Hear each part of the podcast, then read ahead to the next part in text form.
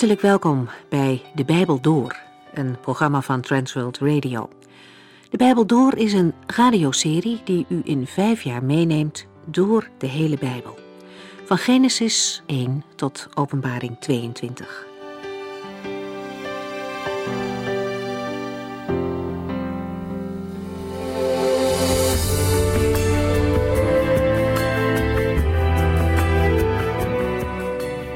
We vervolgen deze serie vandaag over het Hooglied. Hoofdstuk 1 is een beurtzang tussen bruid en bruidegom.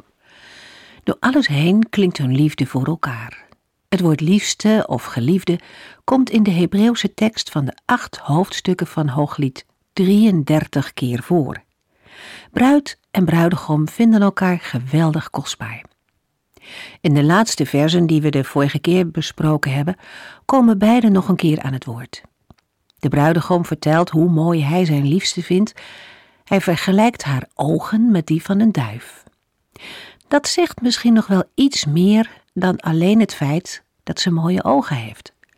Ook wij kennen de uitdrukking dat ogen de spiegels van de ziel zijn. De bruid heeft mooie ogen, maar ook een mooi karakter. In de bergreden spreekt de Heer Jezus over het oog als de lamp van een lichaam. Als iemands oog oprecht is, is heel zijn lichaam verlicht, zegt hij daar. Wanneer we onze ogen op Christus richten en ons met Hem bezighouden, dan verandert ons leven daardoor. Voor duistere zaken is er geen plaats meer als Zijn licht gaat schijnen. Dat verandert onszelf, maar het wordt ook zichtbaar in de omgeving, want licht dat schijnt blijft niet verborgen. Terug naar Hooglied, waar het allereerst om de bruidegom en zijn bruid gaat. We hebben de vorige keer wat uitgebreider stilgestaan bij de waarde van het huwelijk. Een geschenk dat God aan Adam en Eva als eerste gaf. En waarvan hij ook heeft bedacht hoe het tot zijn recht komt. Het huwelijk als een plek van liefde en zegen voor mensen. Een plek om te geven en te genieten van elkaar. Maar het huwelijk is ook kwetsbaar. Juist op het gebied van relaties en seksualiteit is na de zondeval veel misgegaan. Dat wat God zo mooi had bedoeld, is op veel manieren kapot gemaakt. De regels van God om liefde echt tot bloei te laten komen worden gezien als beknellend. Maar met het loslaten van de beschermende regels is echte liefde en trouw ook zoek geraakt. Het is echter niet het einde van het verhaal. Er is een weg terug als het verkeerd gegaan is. Een weg samen met God. Als u daarover meer wilt weten, belt u ons dan een keertje. 0342 47 8432. En dan lezen we nu verder in Hooglied 2.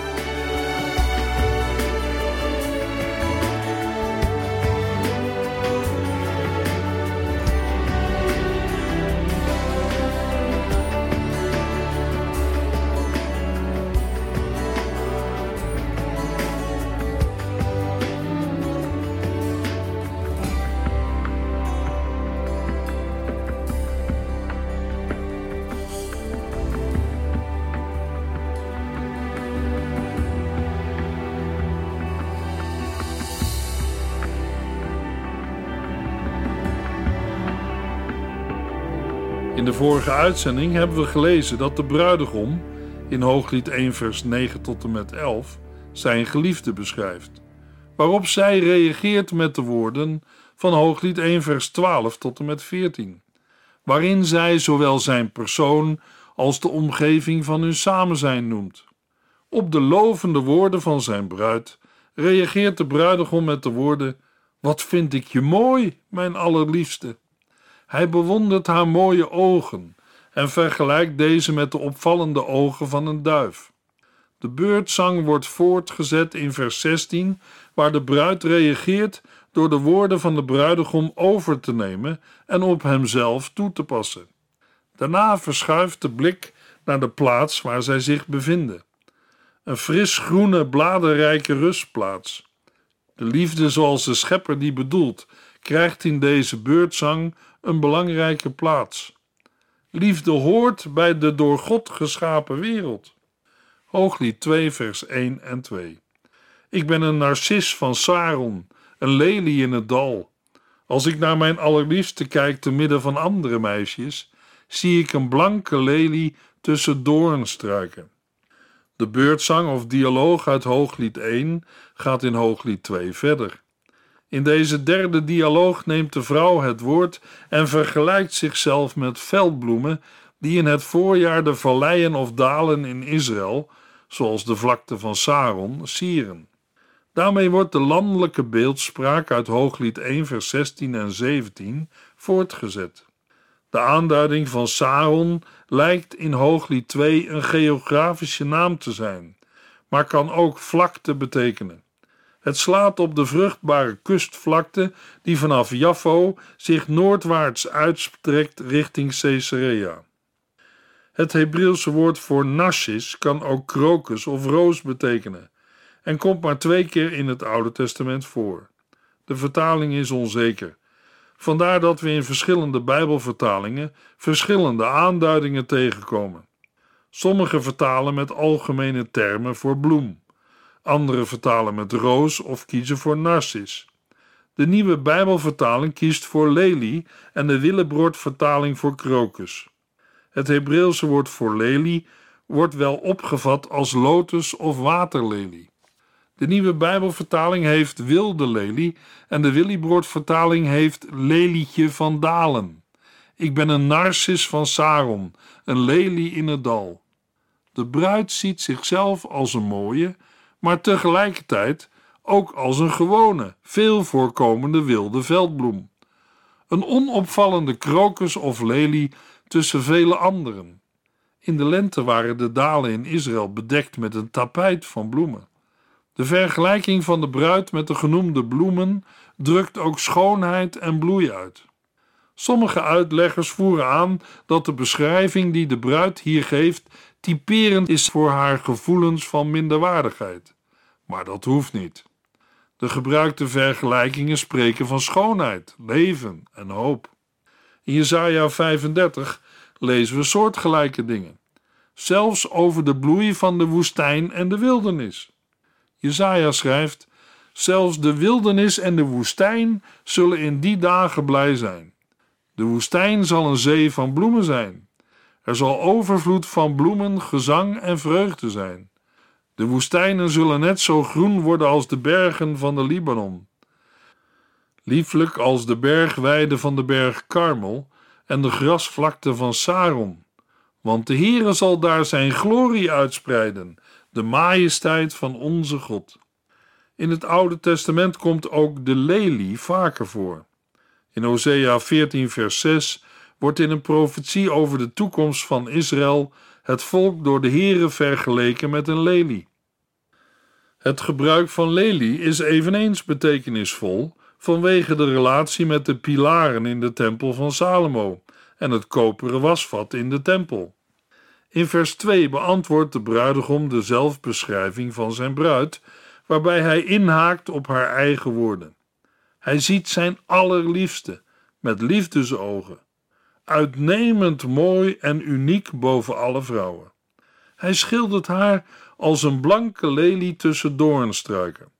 Dat wil zeggen, hij ziet haar als een opvallende lelie tussen doornstruiken of distels. Het unieke van de bruid staat ook in Hooglied 6. En de lelie wordt vaker gebruikt in een lichamelijke beschrijving en komt op meerdere plaatsen voor. Het woord distel of doorn roept een beeld op van ellende en onbewoonbaarheid. Maar te midden van anderen en ongeacht de omstandigheden ziet de bruidegom alleen zijn bruid. Zij is een blanke lelie tussen distelstruiken. In oudere Bijbelvertalingen en commentaren wordt bij deze tekst ook naar Christus verwezen. Voor Christus is zijn gemeente een blanke lelie tussen distelstruiken. Zijn gemeente mag in een wereld vol doornen en distels de schoonheid van Christus laten zien. Hooglied 2, vers 3. Als ik mijn liefste zie zitten tussen de andere jonge mannen, zie ik een appelboom tussen gewone loofbomen. Ik verlang ernaar in zijn schaduw te zitten en zijn vruchten te proeven. In Hooglied 2, vers 3 gaat ook de bruid haar geliefde vergelijken met anderen. en voor haar steekt hij boven alle andere jonge mannen uit. Zij gebruikt een vruchtboom als vergelijking en verlangt ernaar in zijn schaduw te zitten, in de beschermende aanwezigheid van haar allerliefste. De schaduw is in Hooglied 2, vers 3 een beeld van bescherming en aanwezigheid. Tegelijk is de vrucht van de boom zoet voor haar mond. De vrucht van een boom stimuleert de beleving van zoetheid. Bomen en hun vruchten worden ook op andere plaatsen in Hooglied genoemd.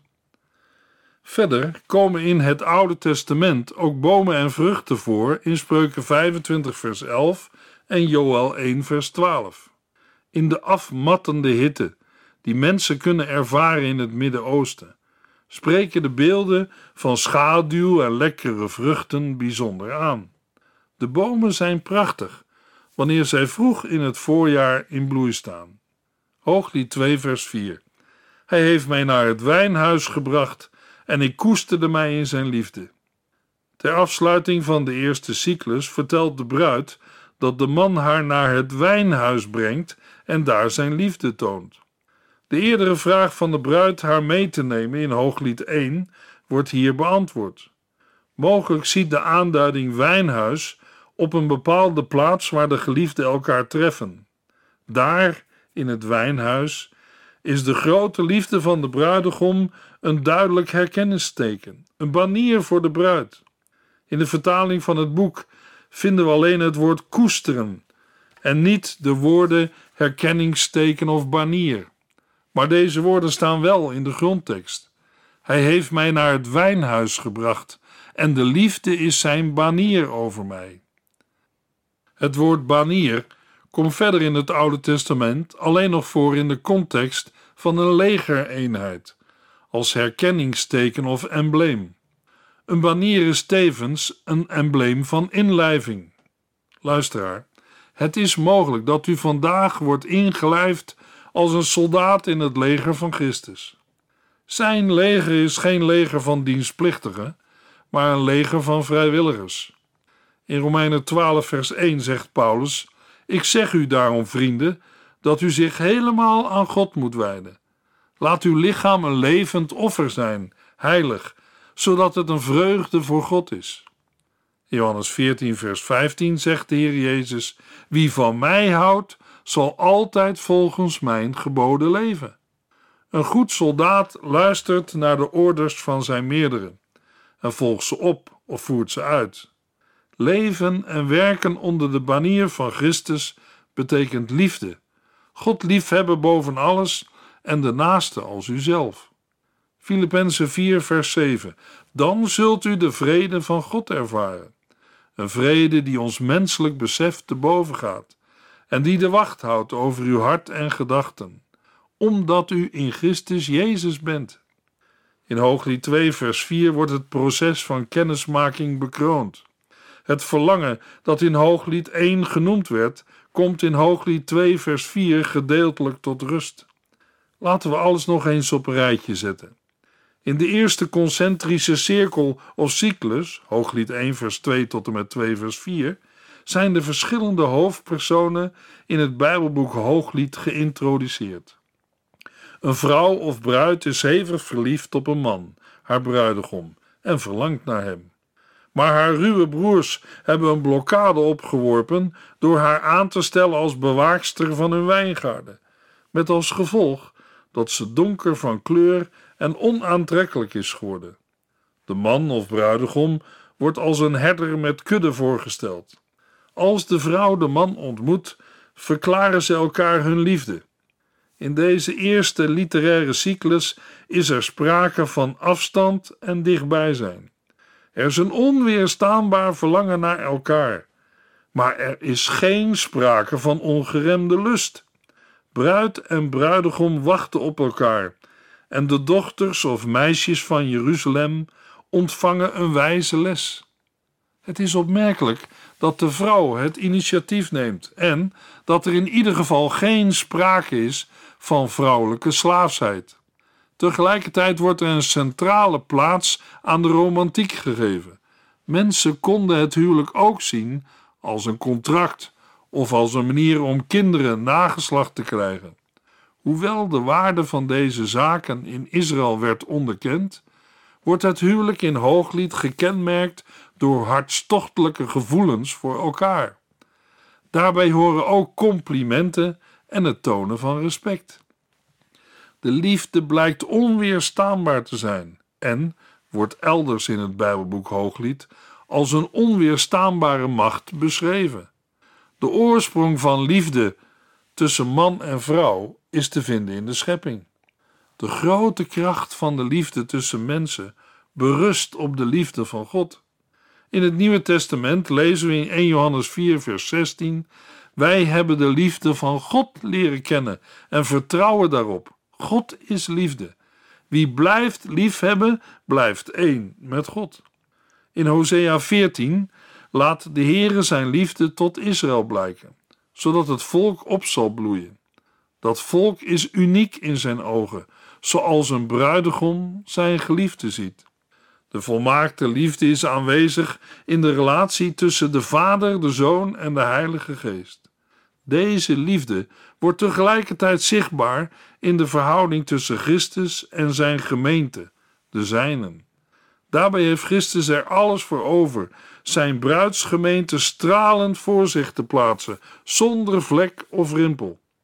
In Efeziërs 5, vers 25 tot en met 27 lezen we: Mannen, geef uw vrouw dezelfde liefde als Christus aan zijn gemeente gaf, toen hij zich volledig voor haar opofferde. Christus zonderde zijn gemeente voor zichzelf af.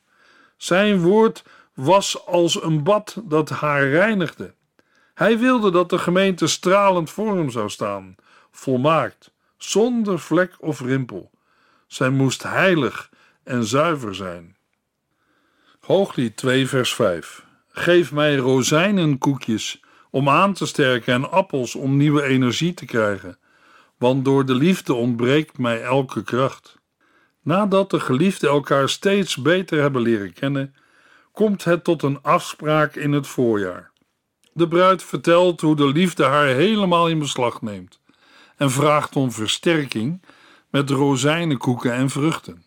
Ze heeft die versterking nodig, omdat haar intense verlangen maakt dat ze zich zwak voelt.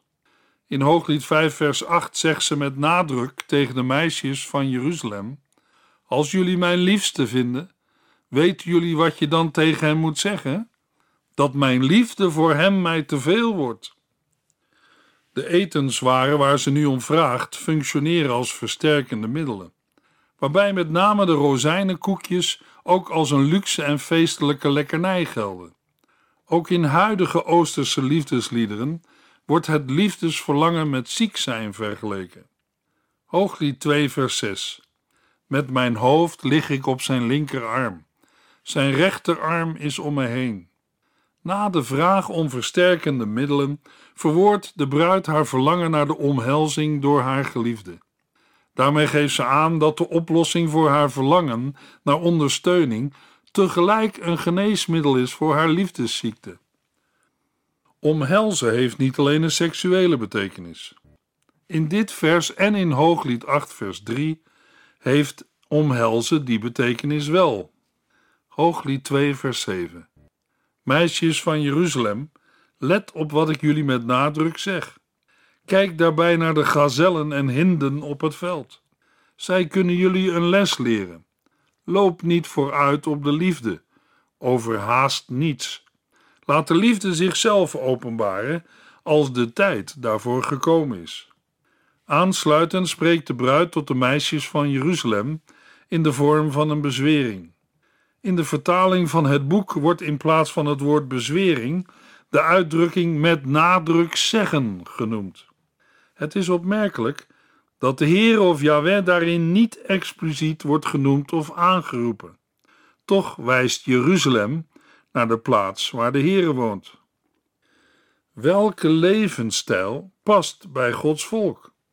Door het noemen van gazellen en hinden is er een opmerkelijk klank- en woordspel waardoor het gebruik van de naam van de Heere wordt vermeden. Aan de andere kant zijn gazellen en hinden schuwe en sierlijke dieren en van ouds symbool van de liefde. Gazellen worden vaker genoemd in Hooglied. In de woorden naar de gazellen lijkt vanuit het Hebreeuws een klankimitatie te liggen van de uitdrukking de God van de legermachten. Net als hinde op het veld een toespeling kan zijn op de Allerhoogste God.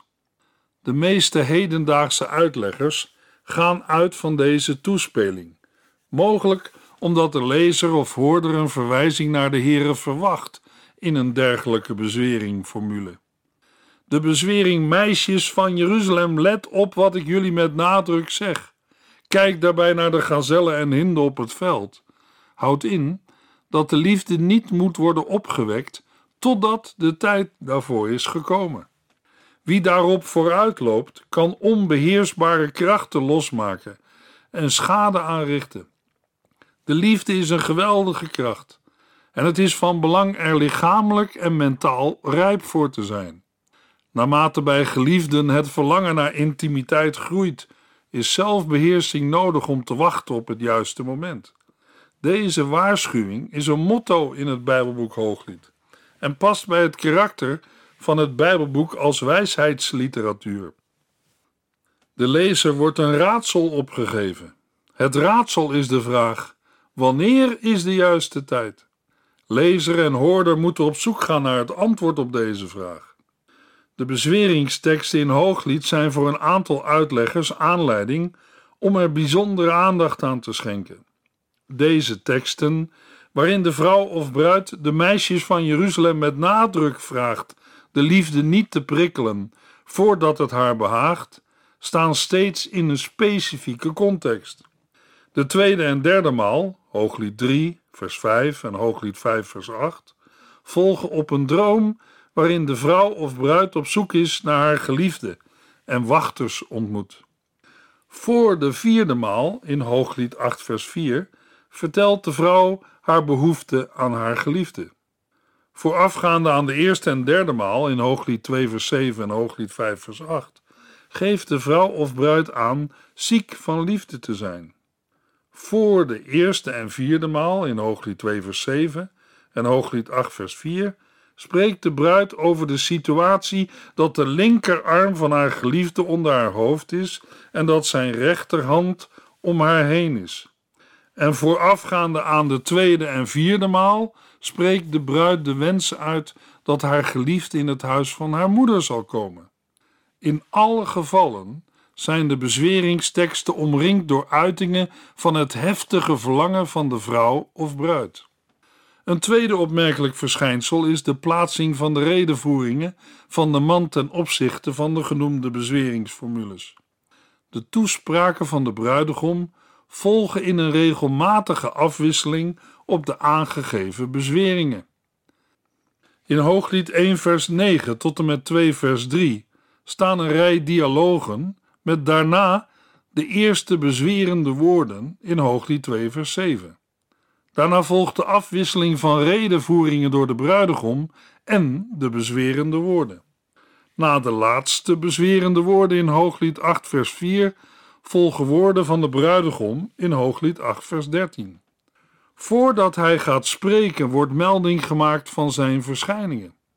Deze opbouw brengt uitleggers tot de conclusie dat er concentrische cirkels in het Bijbelboek Hooglied zijn te herkennen, die zich steeds door de volgende opbouw kenmerken. 1. De vrouw verlangt naar de man. 2. Hij verschijnt en zij maakt complimenten.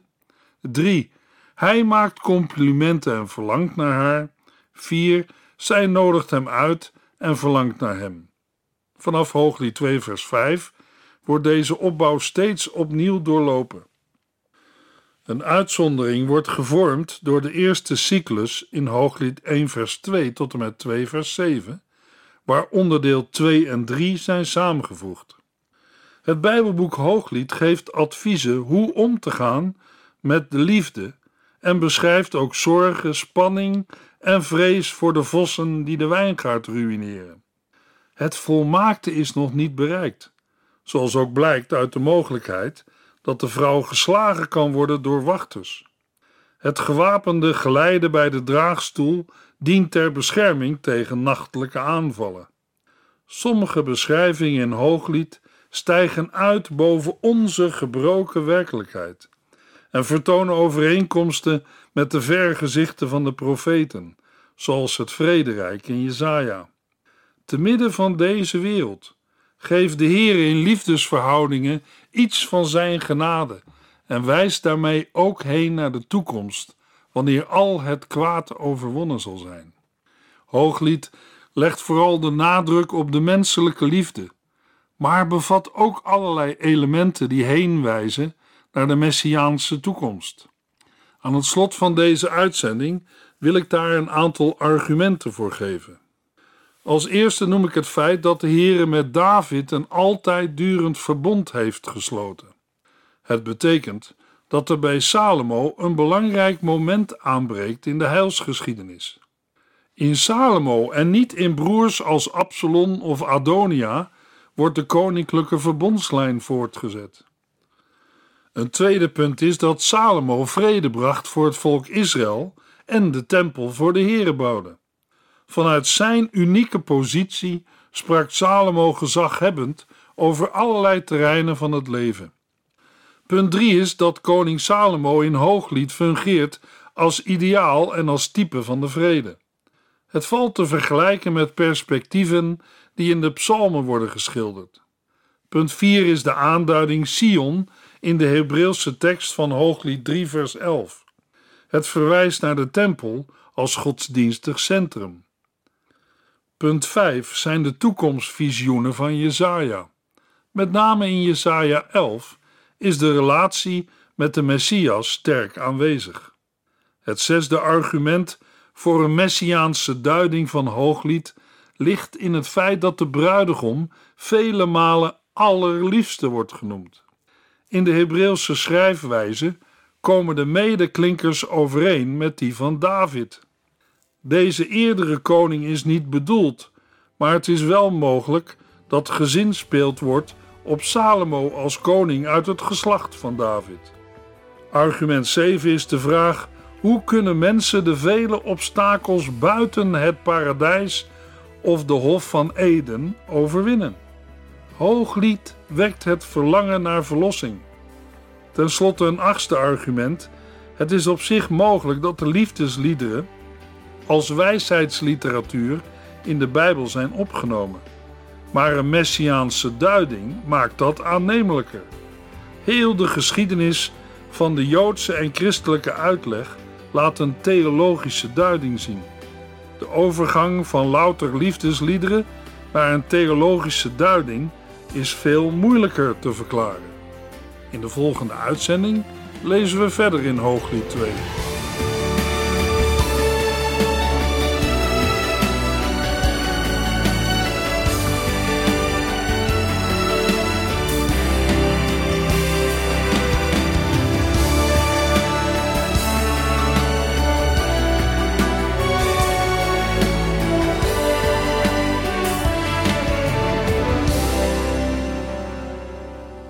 Heeft geluisterd naar De Bijbel Door.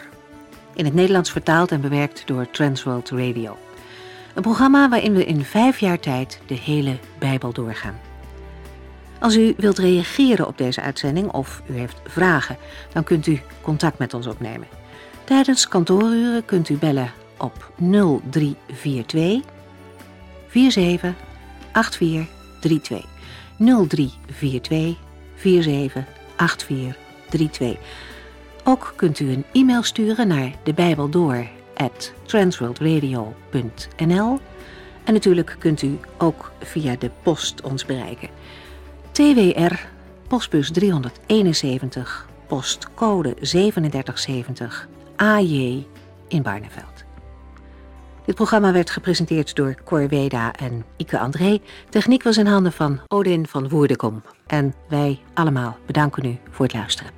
Graag tot de volgende keer.